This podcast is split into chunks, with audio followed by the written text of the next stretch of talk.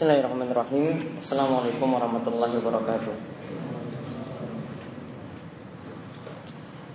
Innalhamdulillah Nahmadu wa nasta'inu wa nasta'firuh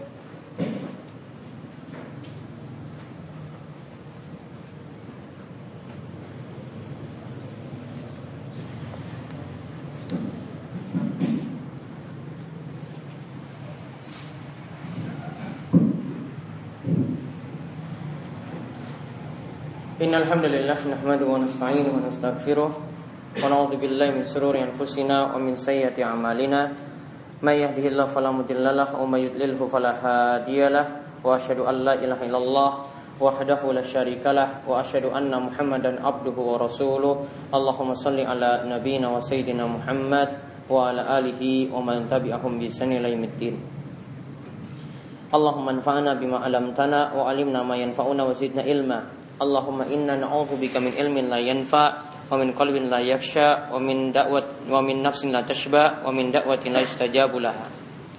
Baik uh, ikhwan fiddin wa akhwati fillah rahimani wa rahimakumullah. Alhamdulillah kita bersyukur pada Allah Subhanahu wa taala atas nikmat yang telah Allah anugerahkan kepada kita sekalian. Sehingga pada kesempatan malam hari ini kita dapat melanjutkan kembali kajian rutin kita dari dua pembahasan yaitu hadis arba'in an-nawawiyah yang membahas hadis-hadis pokok dalam agama kita ini dan kita juga nanti akan membahas matan al-ghaya wa takrib karya al-qadi Abu Syuja. Baik, kali ini kita menginjak hadis ke-22 dari hadis arba'in. Yaitu hadisnya dari Jabir bin Abdullah radhiyallahu anhumah anna rajulan sa'ala Rasulullah sallallahu alaihi wasallam faqal. Yaitu dari Jabir ia mengatakan bahwasanya ada seseorang yang bertanya kepada Rasulullah sallallahu alaihi wasallam Iza ra'ait iza iza shallaitul maktubati Aro'aita iza sholaitul maktubati. Wa sumtu ramadana wa ahlaltul halala wa haramtul harama wa lam azid zalika syai'an a'adkhulil jannah. Qala na'am rawahu muslim. Ada seorang yang pernah bertanya kepada Rasulullah sallallahu alaihi wasallam bagaimana pendapatmu wahai Rasulullah jika aku cukup mengerjakan sholat yang lima waktu. Kemudian aku berpuasa di bulan Ramadan. Kemudian aku menghalalkan yang halal. Kemudian aku mengharamkan yang haram. Walam azid zalika syai'an dan aku tidak menambah lebih daripada itu. Apakah aku dapat masuk surga? Jawab Nabi SAW, Naam, iya. Rawahu Muslim Hadis ini diriwayatkan oleh Imam Muslim.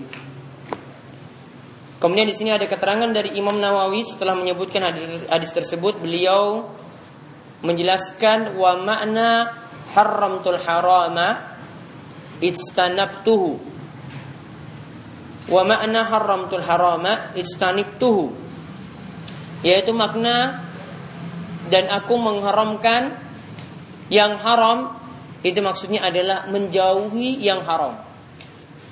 Wa makna ahlaltul halala fa'altuhu mu'takidan hillahu.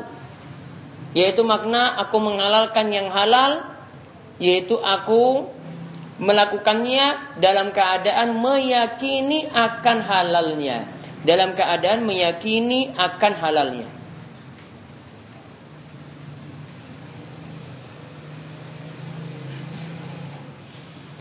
Maka kita lihat di sini penyebutan seseorang itu bisa masuk surga. Dia bertanya kepada Nabi SAW kalau ya sahabat ini cuma melakukan sholat yang lima waktu. Kemudian yang kedua berpuasa di bulan Ramadan. Kemudian yang ketiga menghalalkan yang halal. Kemudian yang keempat mengharamkan yang haram. Maka empat hal ini dilakukan. Apakah seperti ini bisa membuatnya masuk surga? Kata Nabi SAW, Naam, iya bisa. Namun perlu kita pahami terlebih dahulu Ini penjelasan dari Syekh Saleh Al-Syekh yaitu tentang masalah masuk surga. Kita kadang mendengar disebutkan tentang sholat bisa membuat masuk surga. Disebutkan lagi tentang puasa juga ada balasan demikian. Disebutkan dengan amalan-amalan yang lainnya juga ada balasan demikian. Nah di sini dikatakan oleh Syekh Saleh Al Syekh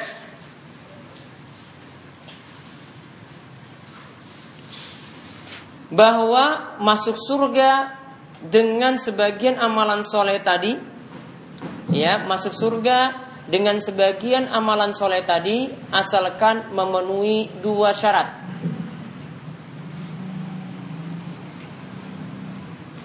Ya masuk surga dengan amalan soleh tadi itu asalkan memenuhi dua syarat. Yang pertama, istima usyurut wattifa'ul mawani yaitu terpenuhinya syarat-syarat dan tidak adanya penghalang. Terpenuhinya syarat-syarat dan tidak adanya penghalang. Maka orang bisa masuk surga dengan amalan yang tadi disebutkan empat tadi atau dalam hadis yang lainnya disebutkan melakukan amalan ini dapat masuk surga. Maka asalkan terpenuhi yang pertama dulu syarat-syarat masuk surga terpenuhi, kemudian penghalang-penghalangnya misalnya kesyirikan atau melakukan pembatal keislaman itu tertiadakan. Kemudian yang kedua, syarat yang kedua yang mesti dipenuhi adalah harus bertauhid. Karena dengan tauhidlah ibadah sholat bisa diterima. Karena dengan tauhidlah ibadah puasa bisa diterima. Dan juga amalan-amalan yang lainnya. Maka ketika Nabi SAW itu katakan, apakah dengan melakukan amalan-amalan tadi, ya bisa masuk surga? Nabi katakan, naam, iya. Kata beliau, Nabi SAW itu iya, asalkan memenuhi dua syarat penting dulu, yaitu terpenuhinya syarat-syarat dan tidak adanya penghalang. Kemudian yang kedua harus bertauhid. Namun pengertian masuk surga, ya, pengertian masuk surga itu ada dua pengertian. Ya, pengertian masuk surga itu ada dua pengertian. Yaitu yang pertama duhul ma'ali. Eh, yang pertama duhul awali. Yaitu masuk surga pertama kali langsung. Jadi tanpa mampir-mampir terlebih dahulu di neraka. Dia masuk surga secara langsung. Duhul awali. Kemudian yang kedua, duhul ma'ali. Yaitu masuk surganya tertunda. Yang kedua masuk surganya tertunda. Namun yang jelas dua-duanya sama-sama masuk surga. Namun yang satu masuk langsung, yang satu mampir terlebih dahulu di neraka dibersihkan dosa-dosanya, baru nanti masuk surganya itu tertunda. Maka misalnya hadis yang katakan ya masuk surga seorang itu bisa jadi masuk langsung atau tertunda. Misalnya hadis yang menyatakan masuk langsung seperti 70 ribu orang yang dinyatakan masuk surga tanpa hisab dan tanpa azab. Dikatakan sifat mereka itu adalah la yaktawun wala yatatayyarun. Ya. Wa ala rabbihim yatawakkalun. Ada tiga sifat sebenarnya disebutkan terlebih dahulu baru ditambahkan sifat yang keempat yaitu yang pertama wala yastarkun yaitu tidak minta diruqyah. Kemudian yang kedua wala yaktawun tidak minta dikai. Kemudian yang ketiga, wala tidak beranggapan sial. Kemudian yang keempat, Ya, wa ala rabbihim yatawakkalun kepada Rabb mereka mereka bertawakal. Ini disebut dengan masuk surga secara langsung tanpa mampir.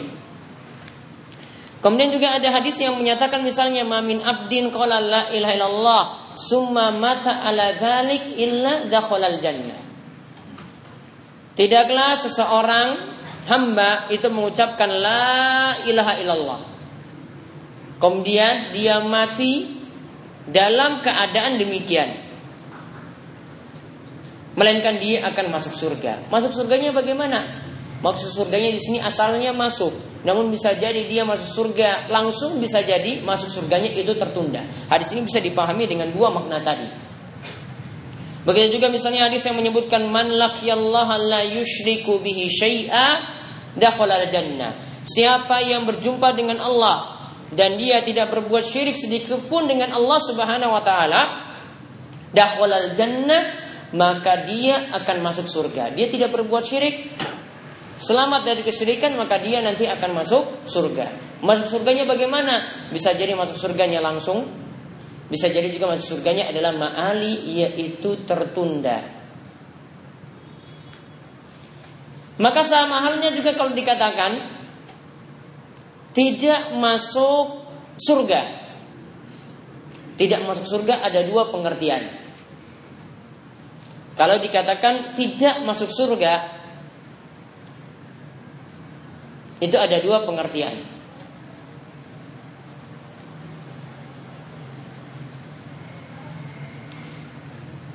Yaitu yang pertama, tidak masuk surga sama sekali.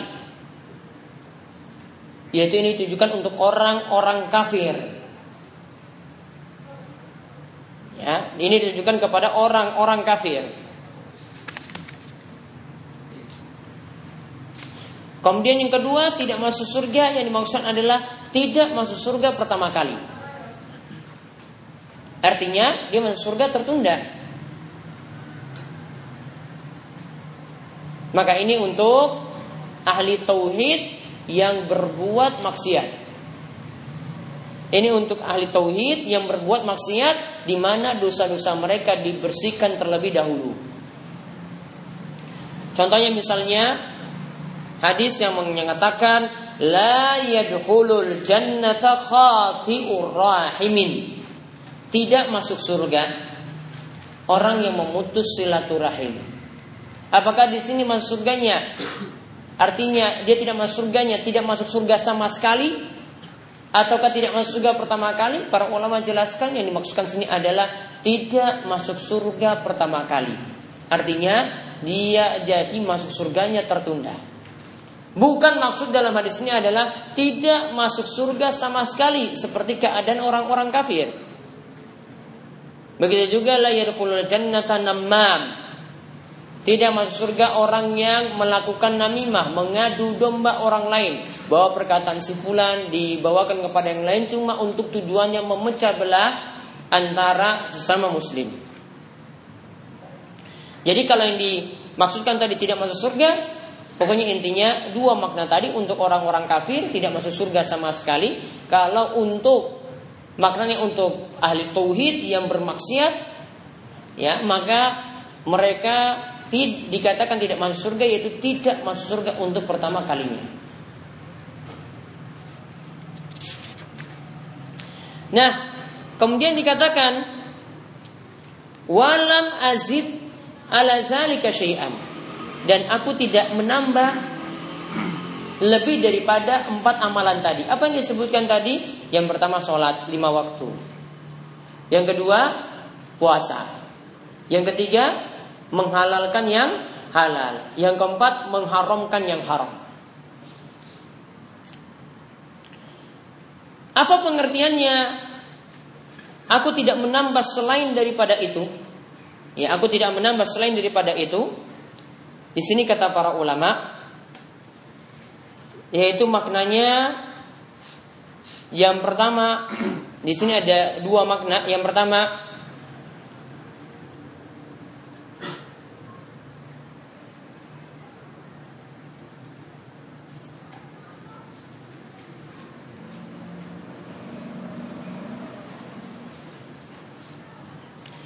yaitu dia melakukan kewajiban.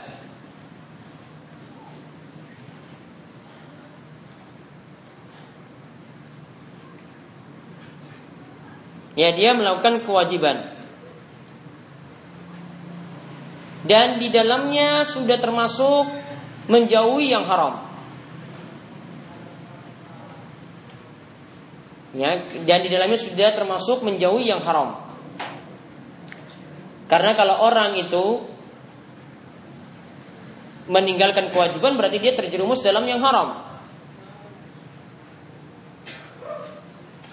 Maka dia kalau dikatakan tidak menambah selain itu lagi berarti ini sudah termasuk pada amalan-amalan yang lainnya yang tercakup dalam kalimat ya wahal ahlaltul halala wa, wa haramtul harama yaitu aku menghalalkan yang halal dan aku ya menjauhi yang haram. Kemudian makna yang kedua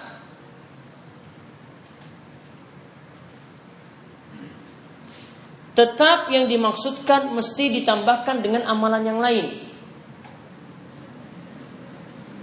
Ya tetap yang dimaksudkan di sini untuk masuk surga mesti ditambahkan dengan amalan yang lain. yang di mana itu merupakan syarat ya itu merupakan syarat dan supaya terlepas dari penghalang-penghalang dan supaya terlepas dari penghalang-penghalang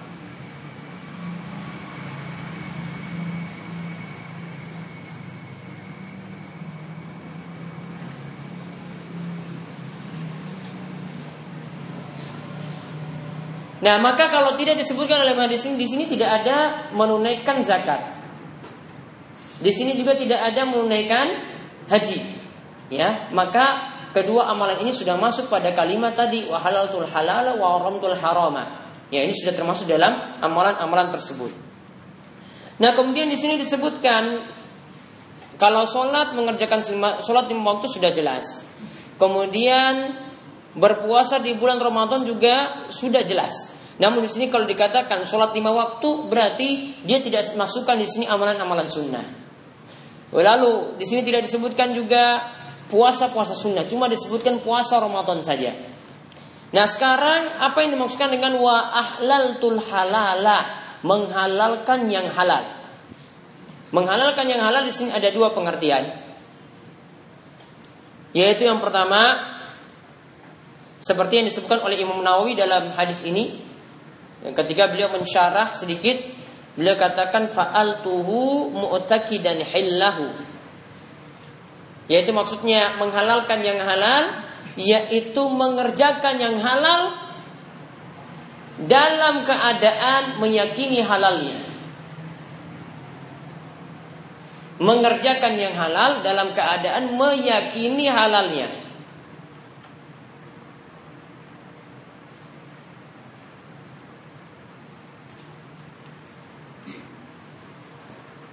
Kemudian makna yang kedua atau menurut pendapat yang kedua yaitu meyakini halalnya walaupun tidak melakukannya. Meyakini halalnya walaupun tidak melakukannya.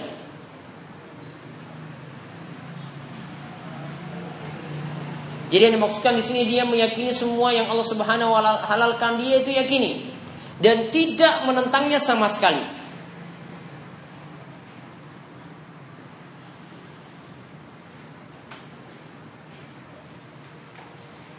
Jadi kalau yang dimaksudkan oleh Imam Nawawi di sini adalah makna yang pertama, yaitu meyakini yang halal kemudian juga melakukan yang halal tersebut.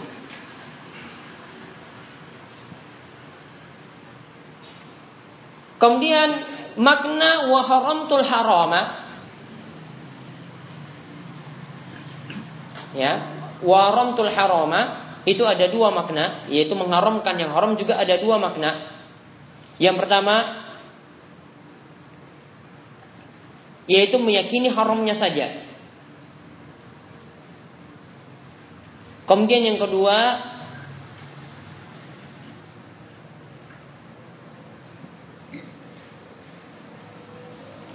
yaitu meninggalkan yang haram sesuai dengan keyakinannya. Yaitu meninggalkan yang haram sesuai dengan keyakinannya.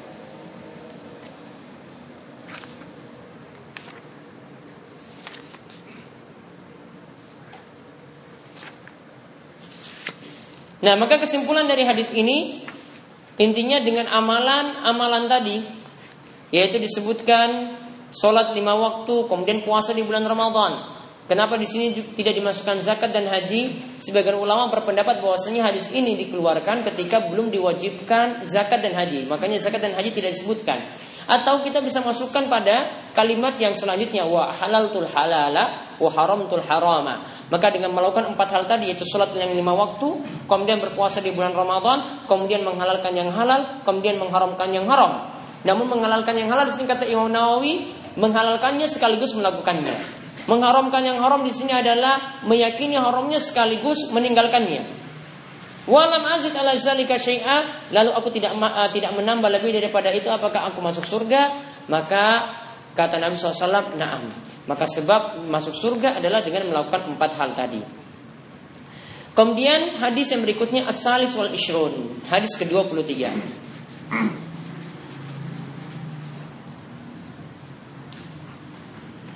Hadis ke-23 ini nanti kita bahas separuh bagian. Karena kalimatnya ringkas-ringkas ini sesuai dengan uh, tipikal hadis Nabi SAW. Beliau itu membahas dengan hadis-hadis yang ringkas bahkan potongan-potongannya itu punya makna secara tersendiri. Yaitu kita lihat hadis dari Abu Malik Al-Harith bin Asim Al-Ash'ari. Abu Malik Al-Harith bin Asim Al-Ash'ari.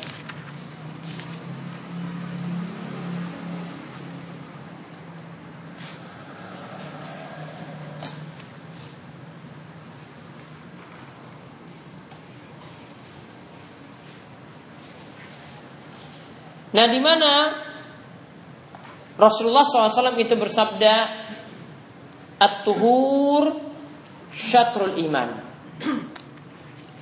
At-tuhur syatrul iman. Bersuci adalah separuh dari iman. Walhamdulillahi tamla'ul mizan. Dan ucapan alhamdulillah akan memenuhi timbangan. Wa subhanallahi walhamdulillahi dan ucapan subhanallah dan alhamdulillah tamla'ani au tamla'u ma bainas sama'i wal ard. Keduanya atau bacaan tersebut akan memenuhi antara langit dan bumi. Wassalatu nurun. Dan sholat itu adalah nur cahaya. Wasodako burhanun. Dan dia namanya sodako itu adalah pelita. Wasobru dia ya, dan dan sabar juga adalah suatu dia cahaya. Nanti akan dijelaskan perbedaan nur, kemudian burhan, Lalu dia wal Qur'anu hujjatun laka au alaik. Quran itu adalah hujah yang akan mendukungmu atau hujah yang nanti akan mencelakakanmu. Kulun nas setiap orang setiap paginya fabai'u nafsau ada yang menjual dirinya famu'tikuha au mubikuha ada yang memerdekakan dirinya membebaskan dirinya dan ada yang mencelakakan dirinya. Rawahu Muslim hadis ini diriwayatkan oleh Imam Muslim. Hadis ini adalah di antara jawami'ul kalim, kalimat-kalimat yang ringkas namun syarat makna. Kita lihat yang pertama pada bagian at-tuhur syatrul iman. Yaitu yang namanya bersuci adalah syatru makna syatru itu adalah nisfu sebagian sebagian dari iman.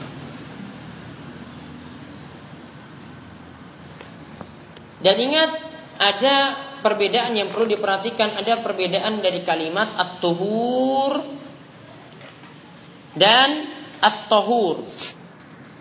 Satu pakai dhammah tuhur dan satu memakai fathah at-tahur.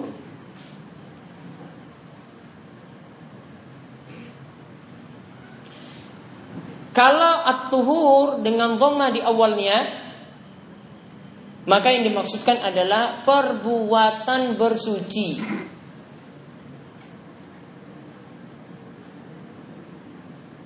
At-tuhur itu adalah perbuatan bersuci. Kemudian kalau at-tahur toknya di fathah maka yang dimaksudkan di sini adalah air untuk bersuci. Yaitu alatnya ya air untuk bersuci bukan perbuatannya. Sama dengan as-suhur aktivitas makan sahur. Namun kalau as-sahur artinya makanan untuk sahur. Sama juga dengan futur itu artinya kegiatan buka puasa, aktivitas buka puasa. Namun kalau ya diganti fatur ya dengan fathah maka yang dimaksudkan adalah makanan untuk buka puasa. Jadi kalau dengan dhamma awalnya artinya aktivitas, kalau dengan fathah itu artinya bendanya atau alatnya. Nah, kenapa di sini sebut at-tuhur yaitu bersuci itu adalah separuh dari iman. Penjelasan pertama karena iman itu ada dua.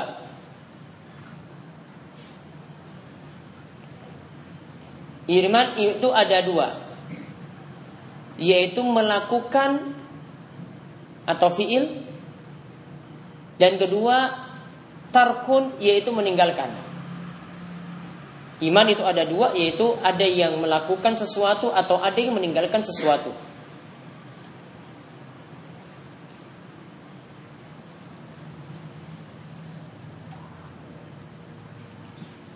Maka dikatakan at-tuhur syatrul iman ya, karena yang namanya kesucian di sini dapat diartikan dengan mensucikan diri dari berbagai macam maksiat. Ya, mensucikan diri dari berbagai macam maksiat. Sehingga kalau dikatakan at-tuhur syatrul iman, maka kalau kita terjemahkan tadi, meninggalkan maksiat itu separuh dari iman karena iman itu ada dua, ada meninggalkan sesuatu, ada melakukan sesuatu. Maka karena di sini dikatakan tuhur tadi bisa dimaknakan mensucikan diri dari berbagai macam maksiat berarti meninggalkan. Nah, ini sudah separuh dari iman.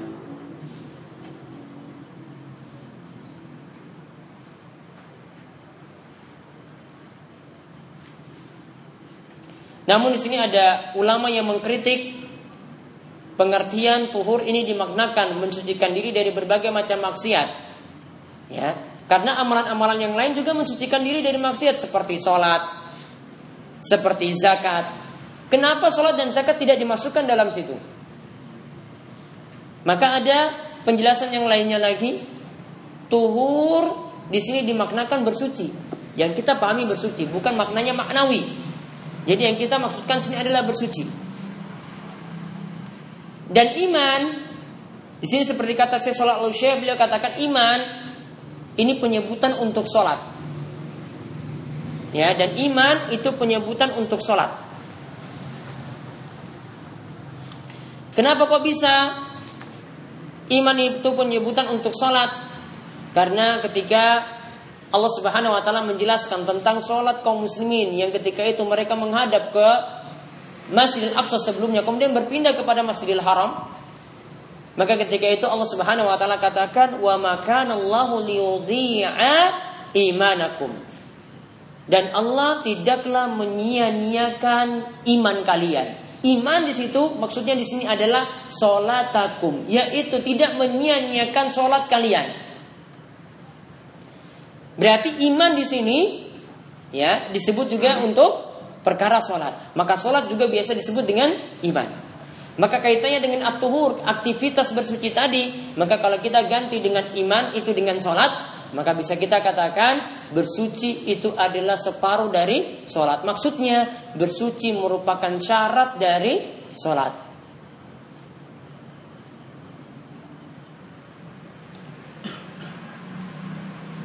Ya, bersuci merupakan bagian dari sholat.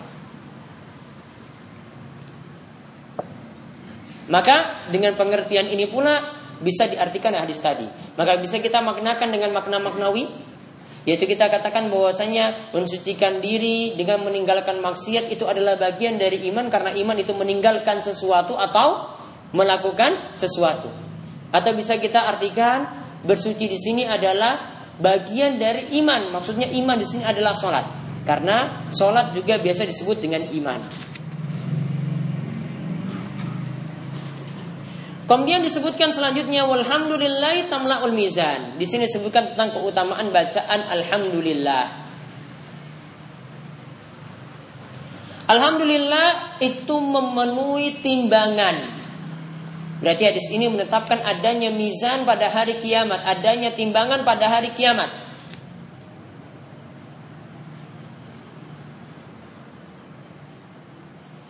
Dan sesuatu yang ditimbang nanti pada hari kiamat ada Tiga macam. Ya, ada tiga macam. Yaitu yang pertama yang ditimbang itu adalah orangnya. Sebagaimana dikatakan betis dari Ibnu Mas'ud itu lebih berat daripada gunung Uhud. Karena ketika itu sahabat-sahabat yang lain ketika melihat Ibnu Mas'ud itu kakinya itu kecil, kurus, mereka istilahnya ngece pada Ibnu Mas'ud. Kemudian Nabi SAW katakan, ini betisnya ini kalau mau ditimbang lebih berat daripada gunung Uhud. Berarti orangnya yang ditimbang. Kemudian yang kedua, bisa jadi yang ditimbang adalah catatan amalnya. Seperti dalam hadis bitokoh. Di mana ada seorang yang dosanya itu begitu banyak dan dia punya catatan amal di sini kalau dibentangkan itu sejauh mata memandang. Ini kalau ditimbang, ya kalau ditimbang sebenarnya kalah namun dia punya satu kartu ampu yaitu kalimat la ilallah dan ketika itu ditimbanglah kalimat la ilallah akhirnya bisa mengalahkan catatan dosa-dosanya tadi. Maka ditimbang itu adalah catatan amalnya. Kemudian yang ketiga yang ditimbang itu adalah bisa uh, yang ketiga di sini antara kedua hal tadi yaitu orang sekaligus catatan amalnya.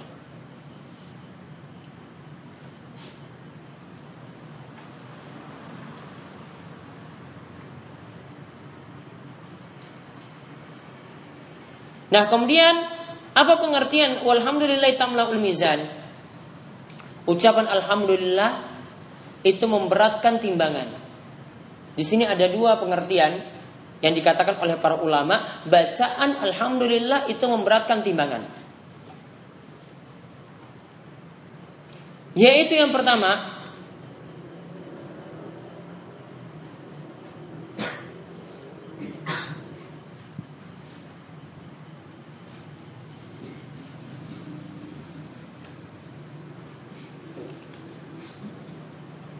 Karena bacaan alhamdulillah mengakui tauhid rububiyah.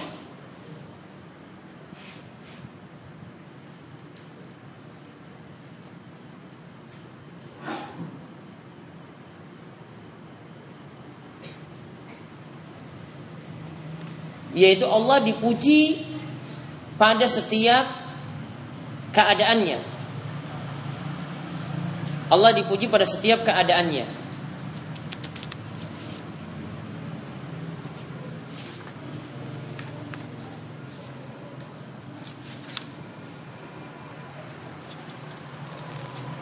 Ini saya jelaskan pengertian alhamdulillah dulu. Dalam setiap keadaannya di sini ada tiga. Ya Allah dipuji ya pada tiga hal. Yaitu dipuji karena sifat rububiyah. Kemudian yang kedua dipuji karena sifat uluhiyah. Itu Allah salah satunya sembahan. Kemudian yang ketiga dipuji karena Allah memiliki nama dan sifat yang sempurna.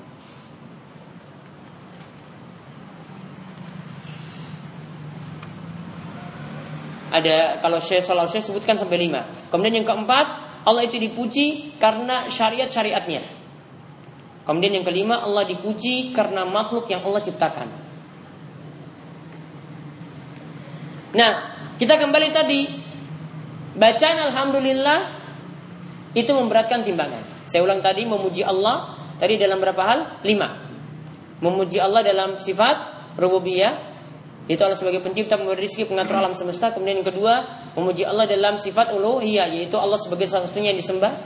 Kemudian yang ketiga, memuji Allah dalam nama dan sifatnya. Kemudian yang keempat, memuji Allah dalam syariatnya. Kemudian yang kelima, memuji Allah atas makhluk yang Allah ciptakan.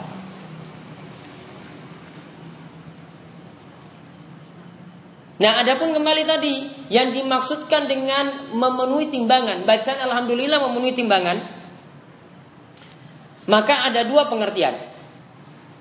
Ya, ada dua pengertian.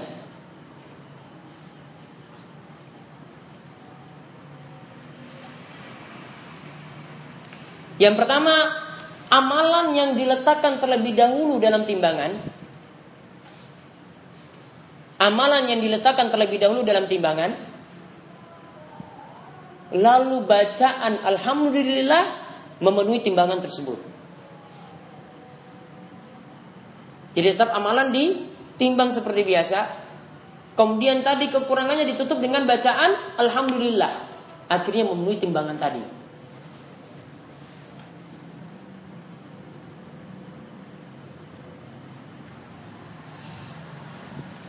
Kemudian yang kedua,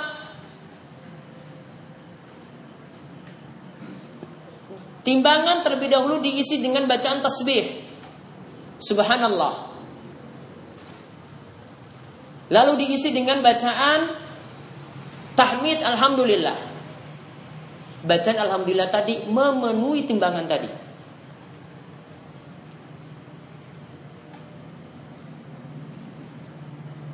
Kenapa kok dua hal yang dibahas dalam timbangan tadi? Karena yang namanya iman itu mencakup ya mensucikan Allah dari segala kekurangan dan yang kedua menetapkan sifat-sifat sempurna bagi Allah. Ya karena namanya iman itu berarti mensucikan Allah dari sifat kekurangan dan yang kedua menetapkan sifat sempurna bagi Allah. Jadi ada tasbih dan ada tahmid. Maka tasbih mengisi timbangan itu terlebih dahulu baru bacaan tahmid alhamdulillah akan memenuhinya. Berarti bacaan alhamdulillah cuma memenuhi timbangan saja. Dia bukan memenuhi secara utuh. Namun apa? Ada amalan terlebih dahulu, kemudian bacaan alhamdulillah yang nanti memenuhinya atau situ ada bacaan tasbih terlebih dahulu, kemudian disempurnakan lagi dengan alhamdulillah ya nanti akan memenuhi timbangan. Karena biasanya bacaan subhanallah dan alhamdulillah itu bergandengan seperti pada bacaan subhanallah wa bihamdi subhanallahil azim. Ini disebut dengan kalimatani khifatani sakilatani fil mizan abibatani ila rahman. Dua kalimat yang ringan yang berat dalam timbangan dan cintai oleh ar-rahman itu Allah subhanahu wa taala. Dan ini demikian. Nanti untuk kelanjutannya insya Allah kita bahas pada pertemuan berikutnya